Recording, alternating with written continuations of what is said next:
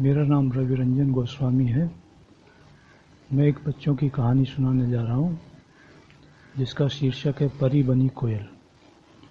शहर में बच्चों का एक सुंदर पार्क था। रात को यह पार्क सुनसान रहता था। रात 12 बजे के बाद उस पार्क में कुछ परियाँ खेलने आती थी। परियों की रानी ने उन्हें सुबह पाँच बजने से पहले अपना खेल खत्म कर वापस परीलोक में आने की आज्ञा दी थी। साथ ही चेतावनी दी थी, जो परी सुबह पाँच बजे के बाद एक सेकंड भी पार्क में रहेगी, वो कोयल बन जाएगी। कोयल बनी परी को सारा दिन उसी रूप में पार्क में ही रहना होगा और रात के बारह बजे वह फिर परी बन जाएगी, तब वह परी लोग आ सकती है।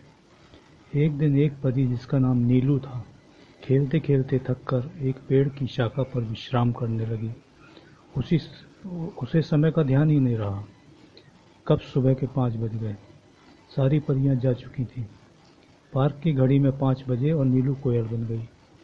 उसे अपनी सहेलियों पर बहुत गुस्सा आया कि उन्होंने उसे जगाया क्यों नहीं, बुलाया क्यों नहीं। वह शायद पेड़ की पत्तियों में छुप गई थी और बाकी परियों का ध्यान उसकी ओर नहीं गया था। रात तक उस बेचारी परी को कोयल के रूप में ही समय काटना पड़ा। धन्यवाद।